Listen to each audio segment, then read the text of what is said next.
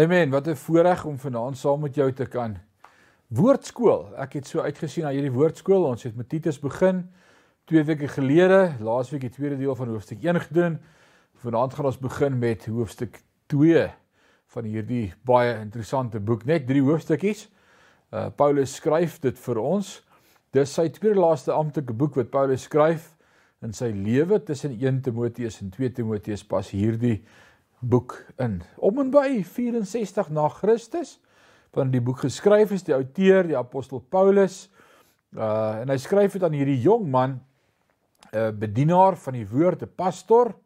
Uh en 10 teen 1 self deur Paulus na die Here gelei, dis wat ons glo, want hy voel oor hom soos 'n pa oor 'n seun. Hy sê jy's my eie seun en uh, dan beveel Paulus vir Titus om op Kreta te bly, agter te bly en dan dinge in die gemeente reg te stel en reg te ruk. So vanaand gaan ons kyk wat leer hoofstuk 2 ons. In hoofstuk 1 het hy gesê uh, wat moet gebeur en oppas vir hierdie manne want dis hoe hulle lyk, waarmee hou hulle op.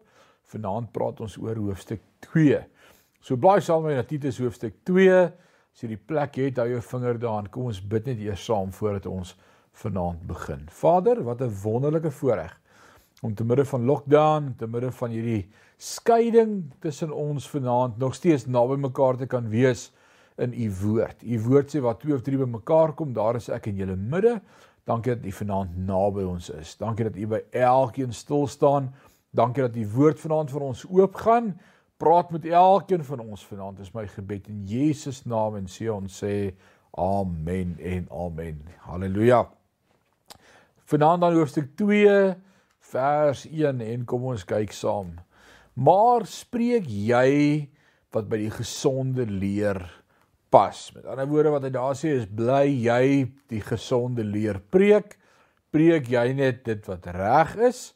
Uh vir Timoteus het Paulus geskryf en gesê dat daar in laaste dae mense sal wees wat van die gesonde leer sal afdwaal, sal afvallig raak Ek sien twee mense, twee aanhalings daarvan in in die tweede Timoteus hoofstuk 3 en ook tweede Timoteus hoofstuk 4 wat die laaste boek was van Paulus se lewe.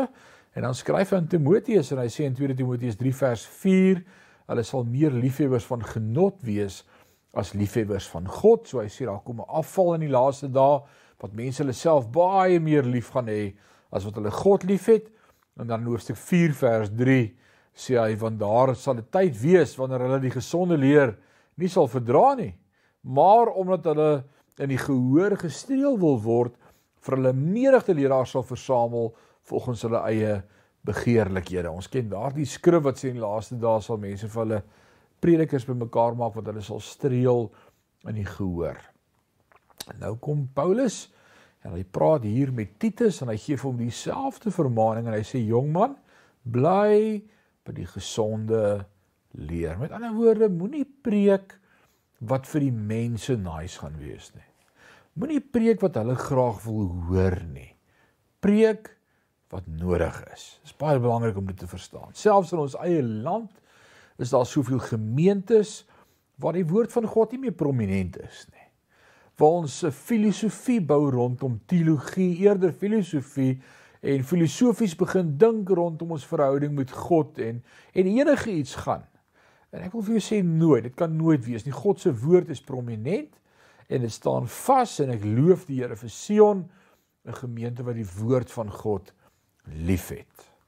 En ek moet vanaand sê, kom ek kry dit van my hart af. Ek praat met vriende van my in die bediening en dan sê hulle as jy gaan kyk op YouTube en op Facebook jou statistiek, dat die gemiddelde kyker hoe lank hy tyd spandeer na jou video te kyk, dan merk ons dat met die oggendoordenkings dit slegs 2 minute 35 sekondes lank is wat ons iemand se aandag gefokus kan kry. En met woordskool wat om en by 'n halfuur 35 minute is, kyk ons na mense wat net so 17 minute met woordskool saam kuier. Dankie dat jy die hele woordskool klaar kyk. Dankie dat die woord ook vir jou belangrik is. En hierdie laaste dae Hou vas aan die woord meer as ooit van tevore. Uh dit verander ons lewe. Ons dank God vir sy woord. Dit is elke dag nuut en vars. En ek dink dis wat Paulus hier skryf vir Titus en sê Titus, bly by die woord. Bly by die waarheid. preek die woord regheid, die gesonde leer. Bly by die regheid onfeilbare gesonde leer van God. En nou sal ek dink dat Paulus hierdie geweldige teologiese dieptes met Titus gaan deel. Dalk dalk 'n paar esoteriese gedagtes of of uh, dalk gaan hy praat met hom oor pneumatologie of eskatologie. Uh of soteriologie. Maar kyk waaroor gaan hy nou met hom praat. Eenvoudig as ons na hierdie lys kyk, gaan hy sê daar's goed vir manne om te weet, goed vir vroue om te weet, goed vir kinders om te weet, goed vir diensknegte om te weet. Dis die belangrike goed. So kom ons kyk. In die eerste plek praat hy dan hier met die ou manne. Dis nou ek en al die ouer ouens daar buite. Dis nou hier waar die grys hare begin uitkom, die wysheid, uh die ou manne. Dan dan praat hy met die vroue en die jong mense uh is 'n skokkende lys, maar maar eintlik is dit nie uh ek wil sê geloof aktiveer optrede en dis doktrine. So vanaand kom hy nie met doktrine nie, hy kom met praktiese dinge hoe ek en jy moet lewe, hoe ons lewe moet lyk. Prakties spreek hy dit vanaand aan Paulus as hy met Titus praat. En ek wil sê iemand wat in 'n geloofslewe is, is op 'n plek waar jy sê Here, ek wil verander. Ek wil lyk like soos wat u woord wil hê ek moet lyk. Like. Ons hoef nie oor al die teologiese teorieë te beskik nie, maar ons moet daders wees van die woord. Uh, en dis waaroor die praksis gaan. Hoe wil God hê moet ons lewe? So hierdie verse is of 'n gesonde leer wat Titus moet leer en dan is die gevolg daarvan dat hulle lewe so sal lyk of hy hy moet preek hoe hulle lewe sal lyk. Wel ek weet nie hoe om nie, maar die belangrikheid vir my vanaand is om te weet God wil hê. Dis is wat hierdie ouens moet lyk. Dis Paulus se hart. Paulus kommunikeer die hart van God en hoor wat sê Paulus vanaand dan vir hierdie man om vir ons te leer. Vers 2 sê die ou manne moet nugter wees. Waardig ingetoe, gesond in die geloof, in die liefde en in die lydsaamheid. Nou ou manne, volwasse manne, die eerste punt wat hy vanaand vir my en vir jou sê hoe ons moet lewe, nugter. Wat beteken nugter? Dit beteken moenie dwaas optree nie. Moenie dom dinge doen nie. Moenie impulsief wees nie. Wees oopkop. Wees nugter. Nou ons gaan aan die einde van die aand kyk hoekom gee hy al hierdie beskrywings en hoekom is hierdie sy voorskrifte aan my en met jou en en hoekom is dit belangrik dat ons sal let op ons optrede? Maar sommer vir nou begin hy uit die staanspoor uit en sê wees net nugter. Moenie moenie dom dinge doen nie, ou manne. Wees nugter. Uh waardig.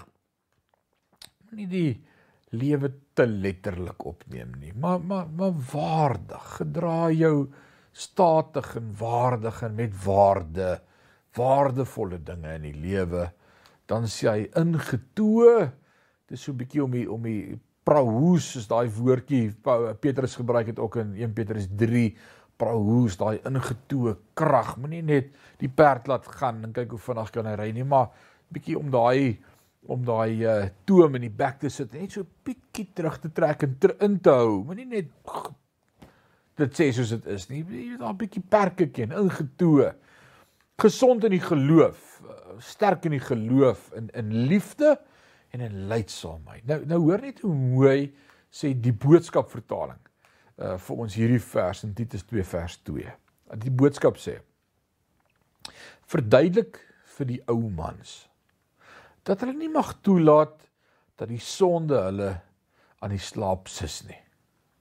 Nou dis nou 'n mooi woord. Die die woord wat hy in die ou vertaling gebruik het was die woord hulle moet nugter wees. Ja, hulle moet nugter wees. Wat beteken dit om nugter te wees? Eh, die boodskap vertaal dit vir my ons moet nie met sonde gevang word nie. Ons moet wakker wees. Moenie moenie moenie sonde jou in die slaap maak nie. Hulle moet so leef dat ander mense groot respek vir hulle het. Dit is dis pragtig. Hulle moet met wysheid optree. Hulle moet onwankelbaar in die Here glo. Hulle moet sy liefde uitleef en voluit op die regte pad. Volhard op die regte pad. Voluit volhard. Uh, ons moet ons moet bly by dit wat ons begin het. Ons moet nie halfpad sê nee, wat hierdie pad is nie vir my nie.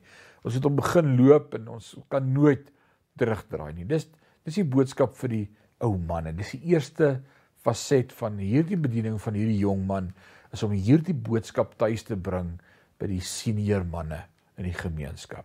Ouens, dis wat God van my en van jou verwag. En dan kom hy en hy praat met die vroue. Eh, en hoor wat sê hy, dalk praat hy met die ou vroue. Hoor wat sê die woord? Hy sê die ou vroue, ja, die senior vroue, die mature women, die ou vroue moet ook aan hulle gedrag wees soos die heiliges betaam. Geen kwaadsprekers of aan baie wyn verslaaf of leraresse uh van wat goed is nie. Nou baie interessant hierdie woorde wat hy hier gebruik en ek wil dit vir jou verduidelik vir ons dames dat hulle sal weet wat Paulus vir Timoteus sê om vir die ou vrouens te kommunikeer, die senior dames. Hy sê nou daai woordjie kwaadsprekers, die Griekse woord hier vir kwaadsprekers is uh diabolos, diabolos wat beteken to falsely accuse, om valslik te beskuldig. Uh, die ander mooi Engelse woord daarvan is die slander, to slander, né? Die Griekse woord hier vir kwaadsprekers, met ander woorde dui daarop dat ons iemand valslik sal beskuldig of sal sleg praat van iemand. Moenie mense valslik beskuldig of slegte dinge van mense sê nie.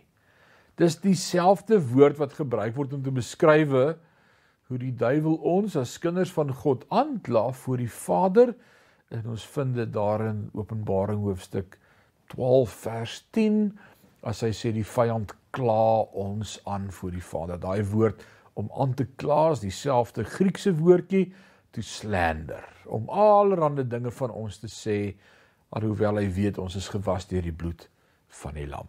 So as hy praat met vrouens, dan sê hy moenie so vinnig dinge van ander sê nie moenie goed sê soos ja, daar doen jy dit alweer nie of dis mos maar nou wie jy is. Moenie moenie moenie dinge om iemand se nek hang. Valslike goeters. Nee, tel jou woorde. Wees wees met min woorde.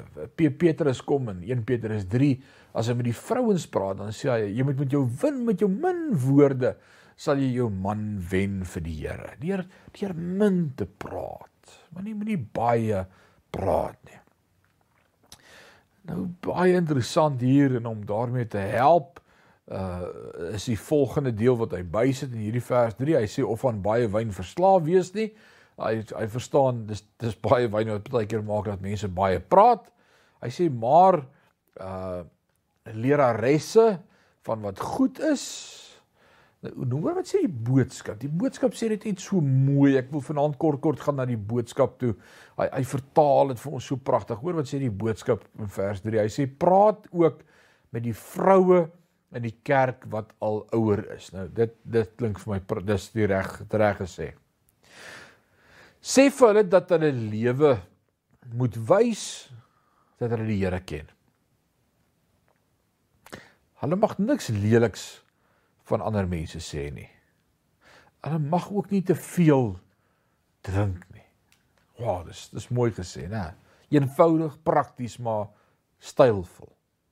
En dan kan die ouer mense dan nou gevra het, maar maar hoekom nie? Hoekom mag ek nie my ou wyntjie drink nie en hoekom mag ek nie baie maklik praat nie en hoekom mag ek nie iets lelik sê van iemand nie? En dan kom hy in vers 4 en hy sê sodat. Sê saam met my sodat sodat sodat hulle die jong vroue kan leer. Nou hier kom 'n baie belangrike punt vir my. Wat is dit wat ouer senior dames wat al lank op die pad is as kinders van God, wat is hulle funksie deur Paulus aangestel om vir die jonger vroue te leer? Uh, ek het al baie vroue woordskole gehoor en gelei en betrokke gewees by vroue woordskole en en, en ek moet sê daar's 'n gevaar wanneer vroue woordskole so teologies raak dat dit amper die die plek van die man as hoof van die huis inneem. Wanneer 'n vrou vir die man naderhand wil vertel wat sê die Bybel. Daar's iets wat gebeur in so huwelik en so in so verhouding. Sulke sulke mans ek weet nie, dis dis asof hulle net nie by die Here wil uitkom nie. Daar's daar's 'n wanorde in die huis. Daarom is dit die man se funksie om by God eers uit te kom en Josua sê ek en my huis ons sal die Here. Die daar gebeur iets wanneer 'n wanneer 'n man by God uitkom. Die die die toe Paulus en Silas in die tronk was, die tronkbewaarder wat sê uh, en hy en sy huis is gered. Wanneer God 'n man red, red hy 'n man met sy hele huis. Maar baie keer uh, is vrouens wanneer ons te geestelik wil wees, is, is raak dit 'n probleem in die huis. So hoor wat sê die woord vir my en dit is vir my so awesome. Wat moet vrouens dan vir ander vrouens leer? Sodat hulle die jong vroue kan leer om versigtig te wees, hulle mans en kinders lief te hê, ingetoe te wees, kuis, huislik, goed aan hul eie mans onderdanig sodat die woord van God nie belaster word nie. Hè, dit is pragtig. En ek dink dis waarom vroue bedieninge meer moet fokus in ons tyd. Klein groepe, selgroepe, vroue groepe. Ek dink hier is dit leer jonger vrouens om versigtig te wees in die lewe, om hulle mans en kinders lief te hê, om ingetoe te wees, om kuis te wees en huislik goed en aan hulle eie mans onderdanig te wees sodat hier kom die woord sodat weer sodat die woord van God nie belaster word nie. Dis pragtig. Dis die boodskap en die hart hiervan. So so kom hy en hy deel eers dan met die manne en dan deel hy ook met die vroue. En nou kom hy en hy sê die evangelie is ook vir jong mense. Hoor wat sê hy vir die jong mense vers 6 en 7. Vermaan die jong manne net so om ingetoe te wees. Daai woordjie ingetoe is die woordjie om nugter te wees, om nugter te wees, vry van sonde wat hulle vashou, nugter. Betoon jou in alles 'n voorbeeld van goeie werke. Jong mense, wat julle verantwoordelikheid, hoe moet julle lewe? Nugter, vry van sonde en betoon jou in alles 'n voorbeeld van goeie werke daai voorbeeld van goeie werke wat Paulus hier skryf van Timoteus is hy sê vir Timoteus leef soos die patroon. Leef soos die voorbeeld. Leef soos die voorskrif. Leef soos die blou druk die patroon. Nou wat is die patroon? As ons kan onthou daar in Eksodus 25 met die gee van die planne vir die bou van die tempel, toe God met Moses praat, toe sê hy vir Moses dis baie belangrik dat jy nie van hierdie planne wat ek vir jou gee sal afwyk nie. Jy moet alles noukeurig bou volgens die plan wat ek met jou gedeel het, want daar's simboliek en betekenis daarin gewees wat Moses glad nie verstaan het nie, glad nie. Uh ons weet selfs daar by die verbondsark in die allerheiligste op daardie versoendeksel, dit was maar 2 voet by 1 voet gewees, dit was nie baie groot nie. Op daardie verbondsark was daar twee engele gewees weerskante wat aan mekaar toe gestaan het met hulle vlerke na mekaar toe uitgesprei. Op daardie goue bladsy daardie daardie goue blad is oorgetrek met goud. Uh akasia hout oorgetrek met goud. En dan op daardie versoendeksel sou die hoëpriester as hy ingekom het een keer per jaar die bloed met die hiesoptakkie sewe maal gespat het. Nou wat sou die simboliek daarvan wees en hoekom en, en dink nou net as Moses dit nou verander het en gedink het nee man hierdie twee engele ek gaan hier dis te moeilik om 'n engel uit goud uit te maak ek gaan iets anders maak. Ek gaan hierso sommer twee beeste laat staan.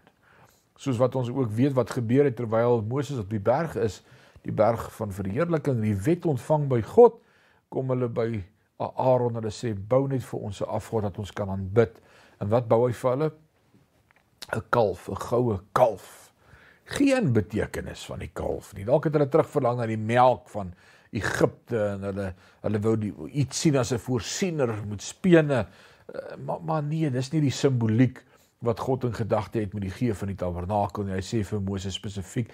En dan sien ons duisende jare later na die kruisiging met die opstaan na die sonoggend het Maria na die graf gegaan en die graf was leeg en toe sy so inkyk toe sien sy net twee manne met hulle wit klere aan een by die voete en een by die kop en van daar waar Christus gelê het in die graf en dan vir die eerste keer dan sien ons die prentjie van die simboliek van wat die versoendeksel, hoe die versoendeksel moet lyk. Daar die plat gedeelte, die twee engele, bloed in die middel. Dit was die prentjie van die leë graf van die begin af. So elke keer een keer 'n jaar as die hoë priester in die allerheiligste ingekom het om te kom offer en die bloed te kom spat, het God gesê ek wens ek kan dit met jou ek ek wens ek kan dit met jou deel. Ek wens jy sou dit snap en verstaan. Maar eendag, eendag is dit die prentjie van die leë graf Eendag is dit die prentjie wat gaan kom van die leë graf. Jesus het opgestaan. O, oh, daar's so baie simboliek. So as hy vir hierdie jong manne kom sê, uh, betoon jou in alles 'n voorbeeld, dan sê hy leef die patroon, net soos wat daar 'n patroon was vir Moses hoe hy die tabernakel moes bou en nou kom die Hebreërs skrywer later en hy sê vir ons uh dit is baie belangrik geweest dat ons daardie goed net so sou bou in die tabernakel volgens 'n patroon uh want ons verstaan dat alles ook 'n patroon is van dit wat in die hemel is. En net so kom Paulus vir Titus en hy sê moenie loop en preek en praat nie, maar leef die patroon. Leef die voorbeeld. Wie is ons voorbeeld? Die tabernakel. Johannes skryf in Johannes 1 dan sê hy in die begin was die woord en die woord was by God en die woord was God en die woord het vlees geword vers 12 of 13 van Johannes 1 die woord het vlees geword en onder ons kom woon daai woordjie woon is die woordjie tabernakel hy kom tent opslaan tussen ons die tabernakel was 'n prentjie van Jesus se simboliek. So as Paulus dan vir Titus sê leef die patroon, dan wil ek vandag vir jou sê leef Christus. Leef die patroon. Leef daai bandjie wat soveel van ons op ons arms het. What would Jesus do? WWJD. Wat sou Jesus doen? Leef soos Christus. Ek dink dis waarin die wêreld so nood het in die tyd waarin ons leef. So behoefte het om te sê ons wil Christus sien. Ons wil God sien. Ek wil nie hoor hoe preek jy van hom. Wys my hoe lyk Christus. En mag ons lewe dit wys hoe lyk Christus. So wat Paulus hier sê is leef voorbeeld. Hoe moet ons die voorbeeld leef? Vers 7 se tweede helfte met onvervalsheid in die leer, met ander woorde ken die woord, verstaan die woord, bly in die woord. Uh, Bybelskool, woordskool, kom in die woord, verstaan die woord en dan sê hy waardigheid en opregtheid. Moenie net vals wees nie. Just be genuine. Wees opreg wees opreg. Vers 8 sê dat die woord gesond en onweerspreeklik wees sodat die teenstander beskaamd kan word en niks sleg kan hê om van julle te sê nie. Mag jou optrede mense sprakeloos los. Dit is skokkend nie. Partykeer uh, partykeer skok ons mense sprakeloos. Dis nie wat ek wil sê vanaand nie. Ek wil sê mag jou optrede en jou Christus wys. Net mense wat stil bly en so sê, "Wow. Dis dis 'n kind van God."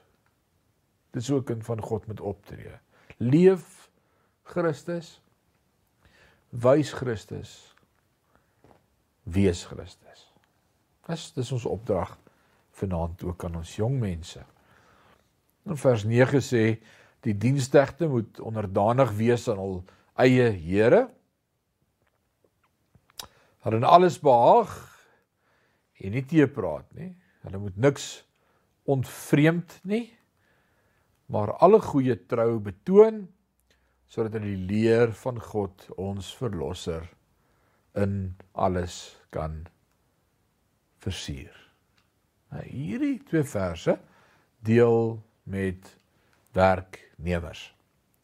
Daardie tyd sou dit slawe gewees het wat vir 'n diens of 'n dienaar gewerk het, uitverkoop was aan hom. Vandag eh, moderne slawerny, jy werk vir 'n baas vir 'n salaris, jy's in diens van hom. Eh, en hier kom hy met praktiese raad vir my en vir jou hoe hoe onderdanig moet ons wees aan ons werkgewers? Hoe wat se gesindheid en hart moet ons hê teenoor ons werkgewers? Nou hoor wat sê die boodskap vertaling van hierdie vers. Praat ook met werkers en diensknegte wat vir 'n eienaar werk. Sê vir hulle moet respek hê vir hulle eienaars of vir hulle baase, vir hulle werkgewers. Nou kom ons stop sommer net hier vanaand. Ek ek ek ek hoor so maklik hoe mense van hulle werkgewers minagtend praat of afkrakend of ek my baas ons die woord van die Here leer my dis vir God wat ek werk. En hy sê doen alles asof vir die Here. Paulus kom in Romeine 13 en dan sê hy selfs die regering wat oor ons aangestel is kom van God af. God stel regerings aan en ek wil vanaand vir jou sê daar moet iets wees van respek uh ook teenoor hulle. Hoor wat sê die woord van die Here verder. Hy, hy sê hulle moet al die opdragte uitvoer wat aan hulle gegee word. Dis 'n mondvol. Doen alles wat van jou verwag word. Hulle moenie te praat nie. Moenie sê nee, daar's nie 'n manier nie, ek gaan nie. Hy sê nee, moenie moenie te praat nie. Te sagte gees sê. Ook moet hulle nie dinge steel sodat ander mense kan sien dat hulle in alles eerlik en betroubaar is. Dan wys hulle dat hulle geloof nie net 'n klomp dooie reëls op papier is nie. So word die leer oor ons wonderlike God en verlosser nog meer aantreklik. Leef die voorbeeld. Leef Christus. En dis wat Paulus kom en vir Titus skryf, leef die voorbeeld. Wow, vers 11 want die reddende genade van God het aan alle mense verskyn en leer ons om die goddeloosheid en wêreldse begeerlikhede te verloon ingetoe en regverdig en vroom in die teenwoordige wêreld te lewe. Wow, hoe moet my en jou lewe lyk? En dan kom die sleutelvers hoe ons dit gaan regkry. En hier kom vers 13 en dis die belangrike vers vanaand vir my en vir jou. Met alles wat sover gesê is, wil ek vra hoe, hoe gaan ons dit regkry? Dis moeilik. Vers 13 sê terwyl ons die salige hoop en verskyning van die heerlikheid verwag van die grootte God en ons verlosser Jesus Christus. Kan ons dit weer lees? Hoe gaan ek en jy dit regkry? Terwyl ons die salige hoop in die verskyning van die heerlikheid verwag van die grootte God en ons verlosser Jesus Christus. Wow. In Johannes kom en ons skryf Johannes vir my en vir jou en hy sê dat ons wat die hoop het op Christus, as ons daardie hoop het dat Christus gaan kom, dan reinig ons onsself. En ek wil vir jou sê daar's geen ander prediking, daar's geen ander boodskap wat soveel impak het soos Christus kom weer nie. Daar's 'n boodskap van kry jou huis in orde. Wees gereed. In die tyd waarin ek en jy leef hier in lockdown met COVID en al die goed wat gebeur, die wêreldekonomie, die wêreldordes wat deurmekaar is, alles wat gebeur, wil ek vir jou sê kry jou huis in orde. Ek dink nie ons gaan meer vir lankie wees nie. Dit kan nie vir so lank so aangaan nie. Ek het 'n toekoms en 'n eindtyd verwagting wat sê, hm, wonder wanneer kom die Here ons haal. Ek wonder hoe lank gaan ons nog hier wees. Oh, as ons lank hier is, great. Ek het 'n verlange in my hart om. Die ou mense het 'n koortjie gesê wat sê daar's verlange in my hart na Jesus.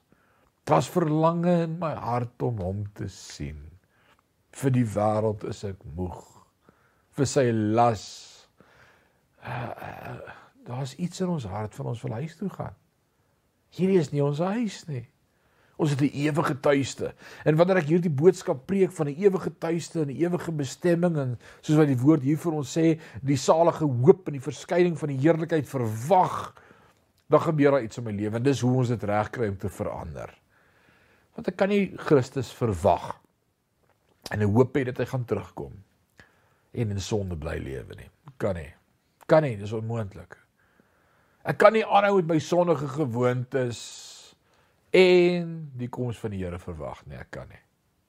Maar wanneer ek sy koms liefhet en sy koms verwag, dan sê ek vir myself, "Hey, kry klaar met hierdie goed. Jou koning is op pad."